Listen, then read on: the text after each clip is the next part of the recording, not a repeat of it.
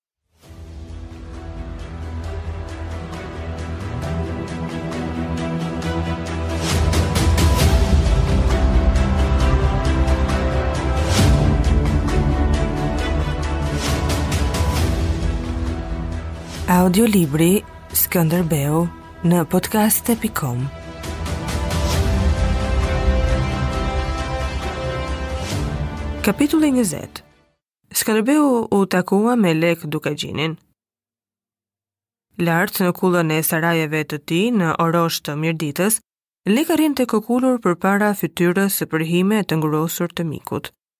Për 21 vite, nga dita e dasmës në Muzakje, Leka e kishte parë gjithnjë me dyshime nganjëherë me urrejtje atë fytyrë.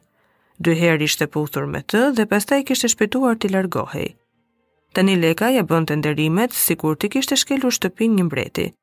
Kishin kërkuar me vite mposhtjen e njëri-tjetrit. Pa u ndeshur ballas asnjëherë. Kërcënimi i rëndë turk i çonte drejt bashkimit.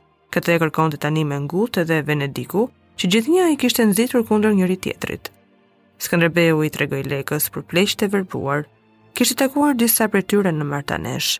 Leka dinte për kobin e zi në zallishten e Erzenit, edhe në Çidhën, por s'kishte takuar vetë ndonjërin nga pleqtë. Në sytë e ngulitur të Skënderbeut, pleqtë kishin futur atë që panë dhe ia tregonin me fjalë të pakta e me zë të ulur, duke lëvizur vetëm buzët. Ai shikonte sytë e ndritshëm të atyre 8.000 vetave në gjunjë, me kokat nën thikë, dhe e dinte se do t'i kishte ashtu para syve tërë jetën. Leka harroi veten dhe u afrua edhe më në vatrën ku digjej prushi i madh i druve të lisit. Leka mendoi se zjarri ishte i denjë për mikun, ai pa sytë e gjelbër, ku digjej ngadalë një tjetër zjarr i thellë. Skënderbeu e mbaroi tregimin, uli kokën e madhe mbi gjoks dhe rënkoi. Ishte hera e parë që ai i hapte zemrën dikujt nga dita kur takoi pleqtë. Leka i shikonte buzët. Kishte dëgjuar për gjakun që i kullonte atij nga buza kur e kapte zemërimi. Por miku i kishte buzët e thara dhe kur nuk fliste, dukej sikur i dridheshin lehtas qimet e mjekrës. Rrugët tona u puqën më në fund. Djalli kishte hyrë në mes, tha Leka. Skënderbeu hapi sytë mbi të. Sytë ndriçuan dhe nënqeshën. Atë natë, Leka nuk tha më tepër. Shkoi të flinte. I digjte trupi. Kishte parë njeriun që arrin shkallën më të lartë të pikëllimit, dhe ishte hutuar nga forca e tij. Në mesnatë u ngrit, doli jashtë dhe iu bë se dëgjonte përsëri rënkimin e mbytur lart në kullë. Rojat rrinin strukur. Avujt e bardhë kalonin nën qiell të errët. Nuk lehte asnjë qen. Qentë ishin larguar me urdhër të tij për të mos shqetësuar mysafirin. Leka mendoi me habi se ai vetë asnjëherë nuk ishte shqetësuar nga lehja e qenve të shumtë në oborrin e tij. Tani sundonte një heshtje aq e thellë, sa i bëhej se dëgjonte edhe kalimin e mjegullës që mbështillte kullën. Errësira e bardhë ia pengonte pamjen dhe kur lehtësohej mjegulla, luginat dhe majat e njohura merrnin për një çast trajta të tjera. Ai i dinte këto lodra që i bënte mjegulla e syrit dhe i ndiqte me mendjen gjetkë. Miku, lart në kullë, që mbante pikëllimin e dheut, kishte ardhur befasisht për t'i dhënë një drejtim tjetër rrugës së Lekës. Kjo do të ishte një rrugë pa tërheqje. Nëse lidhej me të, duhej të luftonte kundër gjithë botës, ashtu siç kishte bërë ai. Po pse të luftonte kundër gjithë botës, kur mund të përfitohej prej saj? Skënderbeu kishte thënë se për një kohë të gjatë, Do të luftonin së bashku me Venedikun. Pse vallë lufton? Digjet i gjallë dhe rënkon në shpirt njeriu. Kujt i shërben ai nëse djeg veten e tij? Leka pa me mendje kufijtë e gjerë të principatës së Dukagjinit. Ai ishte një sundues i fuqishëm, asnjëherë nuk e kishte ndier aq thellë forcën e tij, por asnjëherë nuk e kishte vënë në provë të vërtetë këtë forcë. Lekës po i rritej gjoksi. Ai u kthye në kullë me një mendim të turbullt për jetën, për principatën e Dukagjinit dhe për mikun që i kishte trokitur në derë. Të nesërmen Leka tha papritur një gjë që s'kishte ndërmend ta thoshte. Ti do ta dëbosh turkun në pranverë dhe do të lash gjakun që u derdh në Çidhnë dhe në lumin e Erzenit. Skënderbeu buzëqeshi prapë si natën e kaluar, sytë e gjelbër vetëtinë. Në kuvendin e Lezhës, baba të pati premtuar 5000 dukagjinas. Ka kaluar një kohë tepër e gjatë nga ajo ditë. Këtë ndihmë do ta kesh tani dhe përdore si të duash. Unë jam gati me 6000 dukagjinas, tha Leka. Skënderbeu pa fytyrën e mprehtë të Lekës dhe ndjeu një goditje nga brenda. Uli kokën dhe u kërrus.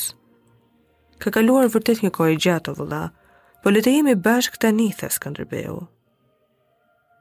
Nga të folët e tij kuptohej se ai kishte vendosur që para takimit me Lekën se çdo gjë do të bënte gjatë dimrit e në pranverë. Kjo u kuptua mirë kur tha: "Na mungojnë paratë dhe armët, duhet të gjejmë para dhe armë. Duhet të hyjnë doemos në luftë Italia dhe mbreti i Hungarisë." Tani ata e shohin se duhet të hyjnë në luftë. Uji ka ardhur te gryka. Por forcën tonë do ta nxjerrim nga bashkimi ynë. Le të takohemi me krerët e veriut kur të kthehem nga Italia, ti mund t'i sjellësh ata në Lezhë. Leka u ndie mirënjohës dhe krenar. Për të fshehur këtë, pyeti nëse Kruja mund t'i bënte ballë dimrit. Kruja nuk jepet kurrë, atje është Tanushi, tha Skënderbeu. Leka pa valën e gjakut që i vërshonte në fytyrën e mikut, krenarinë e thellë dhe turbullimin që i kishte shkaktuar vetë fjalët e tij. Ky njeri ka një besim të pafund te miku, mendoi Leka. Ai u habit dhe u trondit. S'kishte ndeshur ende një njeri që të fliste me një besim e krenari të tillë për mikun e tij. Ai kishte takuar disa herë Tanushin. Iu kujtua fytyra dhe trupi i tij i rëndë, vetullat e trasha dhe heshtja e tij. Tanushi gjithnjë kishte udhëhequr këmbësorët, por tani nuk i kujtohej zëri i tij. Tanushi gjithnjë i ishte dukur si një njeri prej guri, i mbyllur me një dëshirë të fshehtë për të lëvizur pesha të rënda. Leka u bë kureshtar për të ditur më tepër për Tanushin, por nuk foli. Duhet të shkoj në Lezhë, tha Skënderbeu. Do të çlodhesh disa ditë këtu. Mishin dhe verën e kemi të mirë, tha Leka. Ai po shikonte trupin e tretur të Skënderbeut. Skënderbeu ndenji 5 ditë në kullën e madhe të Oroshit. Rreth e qark nuk ndihej frymë e gjallë. Leka kishte vendosur heshtjen. Skënderbeu ia pranonte pa zë nderimet. Duhet të shkoj në Lezhë, tha Skënderbeu, ditën e pestë. Po vij me ty në Lezhë dhe në Krujë, tha Leka i vendosur. Ai ndihej i gëzuar që i ishte kushtuar tanimë Skënderbeut dhe nuk e fshihte këtë gëzim. Ndërsa Skënderbeu po zbriste në Lezhë, arriti në Zadrimë me një letër të ngutshme të senatit vetë rektori i qytetit. Më 16 gusht, me 96 vota pro, 6 kundër dhe 2 abstenime, senati i Venedikut kishte vendosur t'i drejtohej në formën e duhur të madhërishmit zot Skënderbej, që të ketë mirësinë të marrë parasysh se ajo murtajë, kalaja e Elbasanit, që gjendet në gjirin e tij dhe tonin, do të bëhet çdo ditë më e dëmshme dhe më e rrezikshme. Senati po i dërgonte 3.000 dukate Skënderbeut, po të donte të mblidhte trupat e tij dhe të republikës dhe të sulmonte këtë murtajë, pa i lënë kohë turkut të përdorte lëndët e shumta të drurit që gjendeshin aty, për të ndërtuar anije e për të dalë në det nëpërmjet lumit. Skënderbeu buzëqeshi. Ky ishte një zë i papritur, si nga një anë tjetër e dheut. Kruja ishte rrethuar. Veç maleve të larta, pyjeve të thella dhe shkëmbinjve, i gjithë vendi lëngonte nën sundimin turk, ndërsa Republika kërkonte fushatë kundër Elbasanit. Prej nga turku do të dilte në det nëpërmjet lumit. Në atë senat duhet të ishin 96 burra të marrë, Po, mund edhe të mos jenë të marrë, mendoi Skënderbeu. Bota nuk pyet për atë që ngjet këtu, secili kërkon të nxjerrë në çdo kohë përfitimet e veta. Skënderbeu shkoi në Lezhë dhe përgatiti udhëtimin e tij për në Itali. Donte të shkonte atje nga Raguza. Në Venedik dërgoi Gjonin e vogël dhe Pal Engjëllin që ishin tani ambasadorë të përhershëm të tij prej Senatit. Senati duhet të dërgojë furnizime që të çlirohet Kruja, Duhet të dini se po të hiqet Kruja mënjanë, asgjë nuk do ta ndalë Turkun të arrijë vetë në qytetin e Venedikut, tha Skënderbeu. Ai tha po të hiqet Kruja mënjanë, nuk tha po të bjerë Kruja. Pali e kuptoi. Nuk do t'u tregojë parajsën, do t'i trembë me skëterrën, tha Pali. Skënderbeu shkoi natë në malin e Krujës, kapi rojën turk te shkalla e Nojës, zbriti te Guri i Vjerrë dhe foli nga lart me Tanushin që mbronte kështjellën.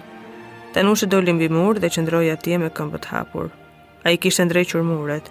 Ishte ende errët kur folën ata. Garnizoni prej 4000 vetësh po dilte i gjithë në mure dhe Skënderbeu u ngjit prap në mal. Ambasadorët e Raguzës e sollën më 2 nëntor në Lezhë mesazhin e Senatit që i lutej të shkëlqyerit princ Skënderbej të kuptonte vështirësitë e Raguzës dhe të mos hynte në tokën e saj për të shkuar në Itali. Turku i madh prej kohësh kërkonte çfarëdo lloj shkaku ta fshinte nga faqja e dheut Republikën e vogël, së cilës ia kishte ngritur tributin në 10000 dukate ari. Kur të dëgjonte Turku i madh, se Raguza u bë skelë për Skënderbeun, asnjë dhuratë e lutje nuk do ta kthente zemërimin e tij në mëshirë. Skënderbeu dëgjonte dhe tregonte mirëkuptim. Kur në qiell rënkonte vdekja me peshën e saj të pamatur, ishte e natyrshme që në tokë të shtrëmbëroheshin pikëmbështetjet. Raguzianët kishin qenë dashamirës të tij dhe ai nuk donte t'u ndillte fatkeqësi. Ai do të nisej nga Budulla